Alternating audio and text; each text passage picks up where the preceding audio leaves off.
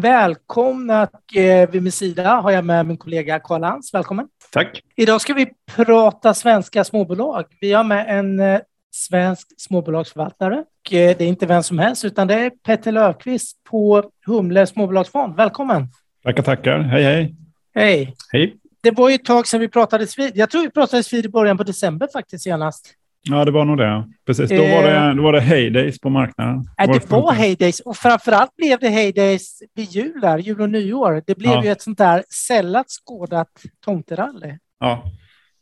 Eh, Sen har det varit lite bistrare. Vad vad är Ja. liksom din, din kommentar? Jag vet du hade mycket förvärvsmaskiner och du Ja. hade en hel del fastighetsbolag när vi pratade sist. ja, absolut. Som har tagit Ja, ganska mycket Nej, stryk. alltså det, var, ju- det var ju som att vända på, på handen. Eh, inledningen av det här året blir en spegelbild av eh, slutet på förra året i, i mångt och mycket.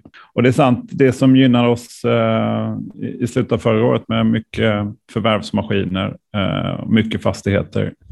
Eh, det fick ju rätt mycket stryk i början av året och sen eh, här inflations och ränterädslan som man, man pratade en del om under förra året, den blev ju helt plötsligt verklig eh, så fort det blev 2 januari och börsen öppnade. Så att, inledningen på det här året har ju varit, det var tufft. Och sen detta i kombination med den här militära uppbyggnaden vi fick, fått, fick se i Ukraina, de här eh, så kallade ryska övningarna med 180 000 man på gränsen. Eh, det ställde ju till det för riskpremien såklart. Också osäkerheten ökade i marknaden där ute. Så att, eh, vi som jobbar i diskonteringsbranschen eh, som ska diskontera kassaflöden långt fram i tiden fick ju en helt, helt plötsligt en högre riskpremie att ta hänsyn till, vilket missgynnade många av de bolagen som, som gick starkt under förra året och som hade fått dessutom ganska höga multiplar. Så att, eh, vi fick ju rätt stora fall i många papper. Liksom. Eh, det är saker som har gått ner både 30, 40 och 50 procent eh, eh, på väldigt kort tid. Där. Så att, eh, en tuff start på året får man konstatera. Hur har ni valt att agera då i den här eh, väldigt turbulenta miljön som vi har sett?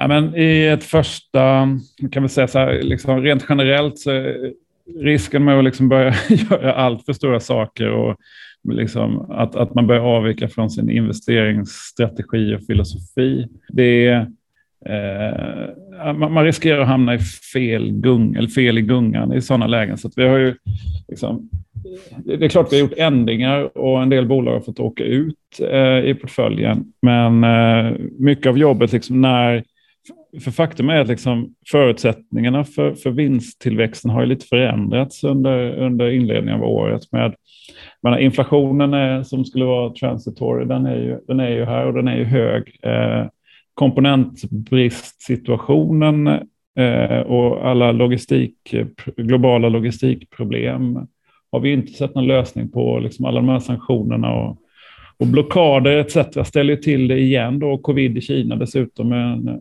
hamn i Shanghai som helt plötsligt stängde också. Så att vi, vi har ju en situation där, där liksom inflationen och råvarupriser och komponentbrist och eh, liksom oron kring ett, ett, eh, en, en global konjunktur i, efter, i, i spåren av liksom de här sanktionerna och det här kriget eh, ställer till det. Så man har fått gå in och titta rätt mycket på liksom, det, det jag har gjort i portföljen är att liksom försöka förstå var liksom, det finns eh, vinstförväntningsrisker. Liksom, vad, vad man kan se att, att, eller vad man kan tänka sig att liksom, det, det kan bli stora slag om, eh, om konjunkturen viker eller om råvarupriserna eh, råvarupriser och liksom inflation biter sig fast och liksom vilka, vilka, vilken, vilken typ av bolag har liksom förutsättningar för över sina priser på, på, på eh, sin kund i sin, sin tur. Och, liksom, ja.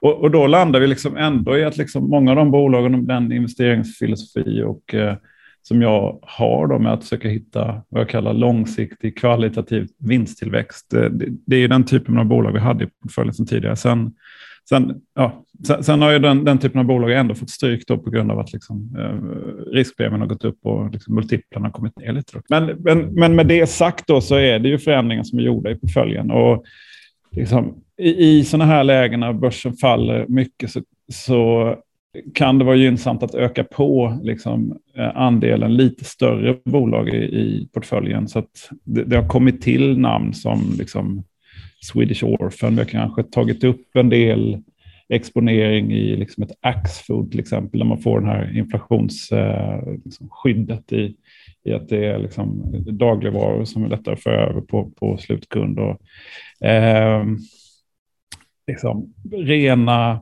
digitala modeller som inte har de här problematiken, där du inte har någon hög skuld eller du inte har några liksom, eh, inflationsproblem på det sättet, eh, är också något som jag har tagit in mer av i portföljen och ökat på i.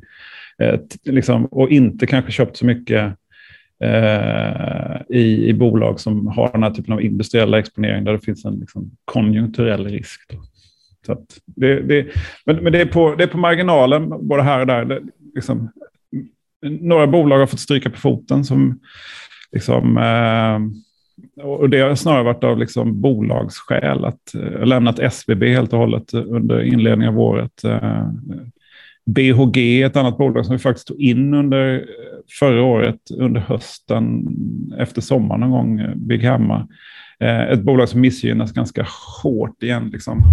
Miljö där liksom e-handlarna generellt som, som segment har haft det tufft, men men eh, där liksom aktivitet, liksom kostnadsbilden för det här bolaget och tillväxtbilden för det här ser lite mer blurry ut idag än vad det gjorde när jag faktiskt köpte caset. Jag har haft ett fel i det investeringscaset tycker jag själv. Och jag har också lämnat bolag som Academedia som har varit på eh, liksom försäljningslistan länge av olika skäl. Alimac och sen även Vestum, då, ett av de här raketbolagen mm. från förra året där vi liksom tackade lite för kaffet och eh, sålde aktierna.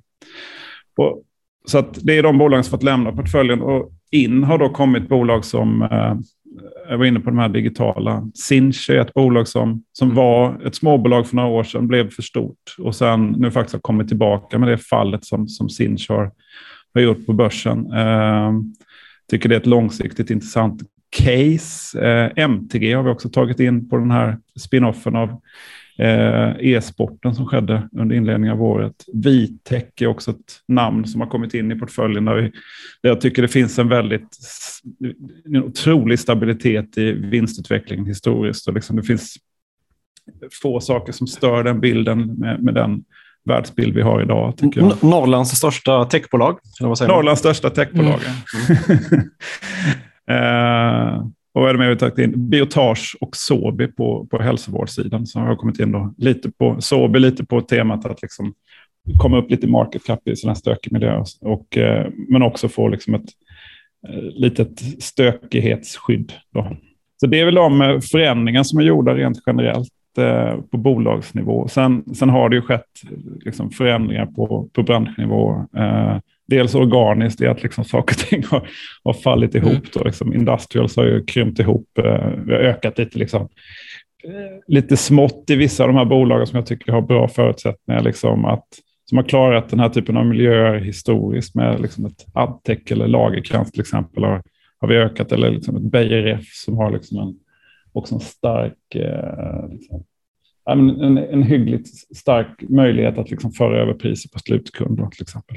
Så att eh, Industrials har krympt. Eh, en, en, sektor som, har liksom, som vi pratade mycket om sist var ju fastighetssektorn. Mm. Där man tror ju att den skulle ha havererat totalt i en sån här miljö. Faktum är att den har klarat sig bättre än småbolagsindex eh, så här långt i år, eh, trots de här ränteuppställningarna vi har sett, vilket är rätt intressant. Eh, men hur tänker du kring SBB som du har du har sålt ut det helt och hållet vad jag förstår. Vad, vad ligger bakom det?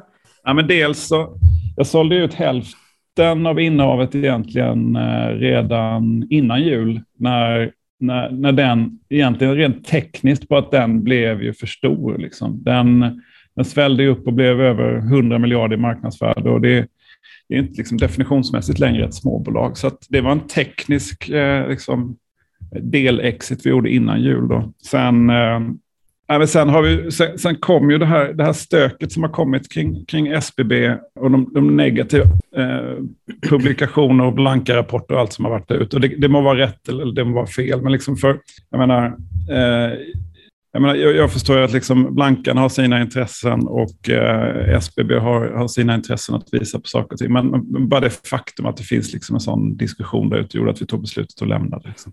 Eh, jag, jag, lägger ingen värdering i, åt något håll, men den, det, man, man, kan konstatera att det är ett snårigt bolag eh, med, med, mycket joint ventures och mycket eh, som har vuxit väldigt fort på kort tid. Liksom. Så att, det fanns väl en anledning att, liksom, jag, jag, tror det som en anledning, anledning att kliva ur. Liksom. Har den här miljön nu, jag tänker när vi pratade sist och när vi pratar nu, det, det är lite drygt, det är fyra månader någonting ungefär. Ja. Och du har lång erfarenhet från bank. Har, har, du varit, har du varit tidigare en sån här fyra månaders cykel när det har hänt så mycket, när man på något sätt har omvärderat det mesta? Ja, men det har ju hänt liksom. Men covid var ju en sak, då trodde man att världen skulle gå under. Eh, det gick ju rätt fort innan eh, det inte var så. Men, jag menar finanskris, då satt, satt jag med fond och Nej, men det var en sån situation, nej, men då satt jag också, jag satt assisterande förvaltare, men det, det var en sån situation där, där saker och ting också förändrades ganska snabbt över en natt. Mm. Liksom. Eh, och eh, eh, då var jag ju junior förvaltare, men den, den lärdomen och den erfarenhet som den förvaltaren som jag satt med då sa att liksom, liksom, sitt still i båten och försök förstå vad, vad tusan är du äger och och, och gör läxan på de bolagen innan du fattar några beslut. Liksom.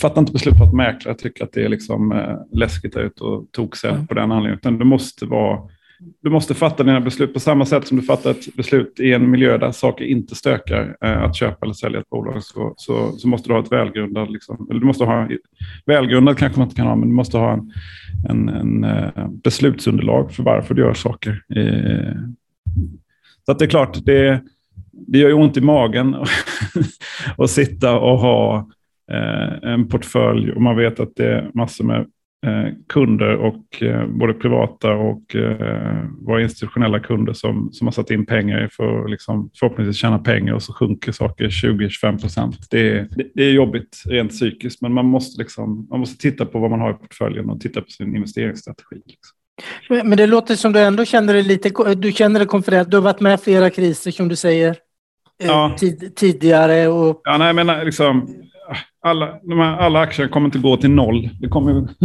och aktier över tid tenderar ju liksom att, eh, att ge en bra... Eh, över långa perioder så är det ett bra ställe att vara på. Och den här kopplingen vinsttillväxt och aktiekursutveckling över tiden kommer att hålla även i framtiden. Så det gäller att hitta bolag som har förutsättningar att växa oavsett om det är stökigt eller liksom, eh, eh, konjunkturen är ner. Då gäller det att hitta strukturell tillväxt. Eller om, eh, om, om vi har inflation, det gäller att hitta bolag som har någon typ av pricing power och, och försöka vara i den typen av bolag. Då. Eh, men med det sagt, hela portföljen kommer ju inte kunna positioneras utifrån liksom, det marknadsläge man har nu. Men man, man får se till att man har eh, en stor del av eh, sitt kapital allokerat till den typen av bolag som passar eh, marknadsläget. Liksom. Sitter det är därför man får... Ja. ja.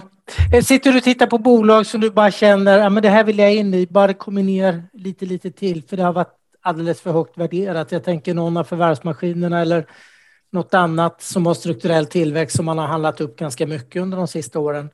Känner du att det blir möjligheter nu också? Ja, men det har ju varit Biotage och Vitek är två sådana bolag som har kommit in i portföljen under inledningen av året. Nu kanske inte de har blivit extremt billiga. Liksom.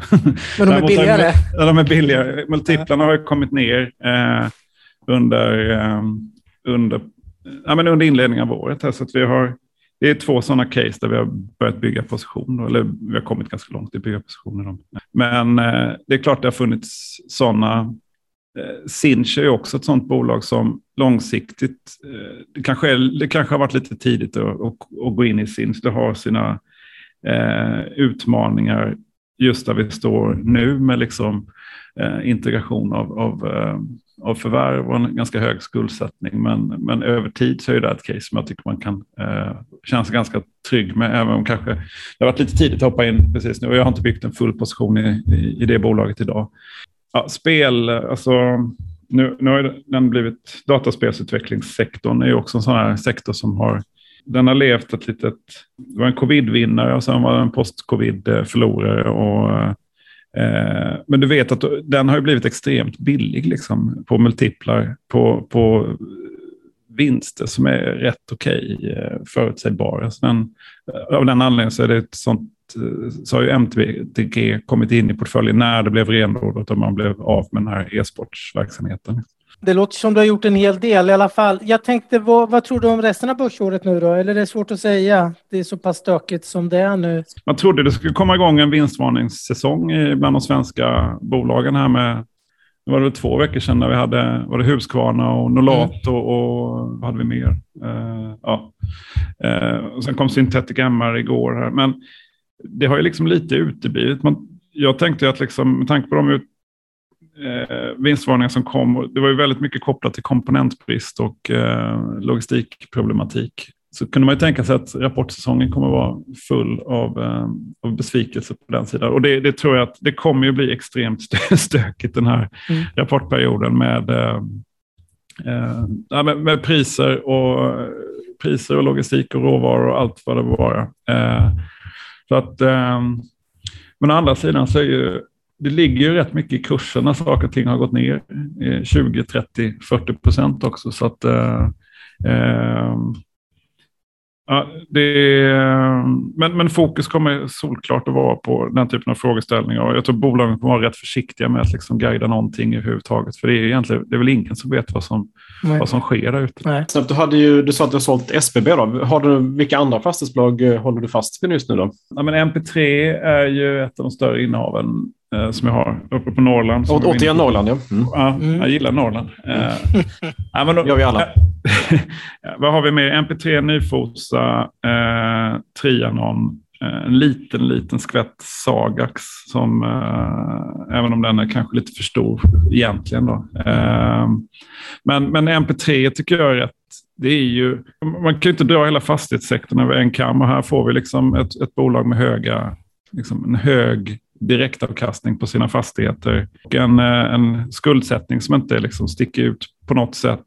Och eh, där finns en landbank som man kan utveckla och som finns förmodligen dolda värden i. Och, och en, en finansieringsstruktur som, som du har inga obligationer som liksom ligger och förfaller i den här perioden överstår ju nu. Liksom. Så att du har fortfarande en positiv kassaflödesmaskin i, i det här bolaget så länge inte räntorna liksom sticker upp eh, flera procentenheter härifrån. Och, och ett väldigt dugligt management som har gjort det här fantastiskt. Det, det är största bettet i fastighetssektorn. Ja. Det är bra. Sköt om dig.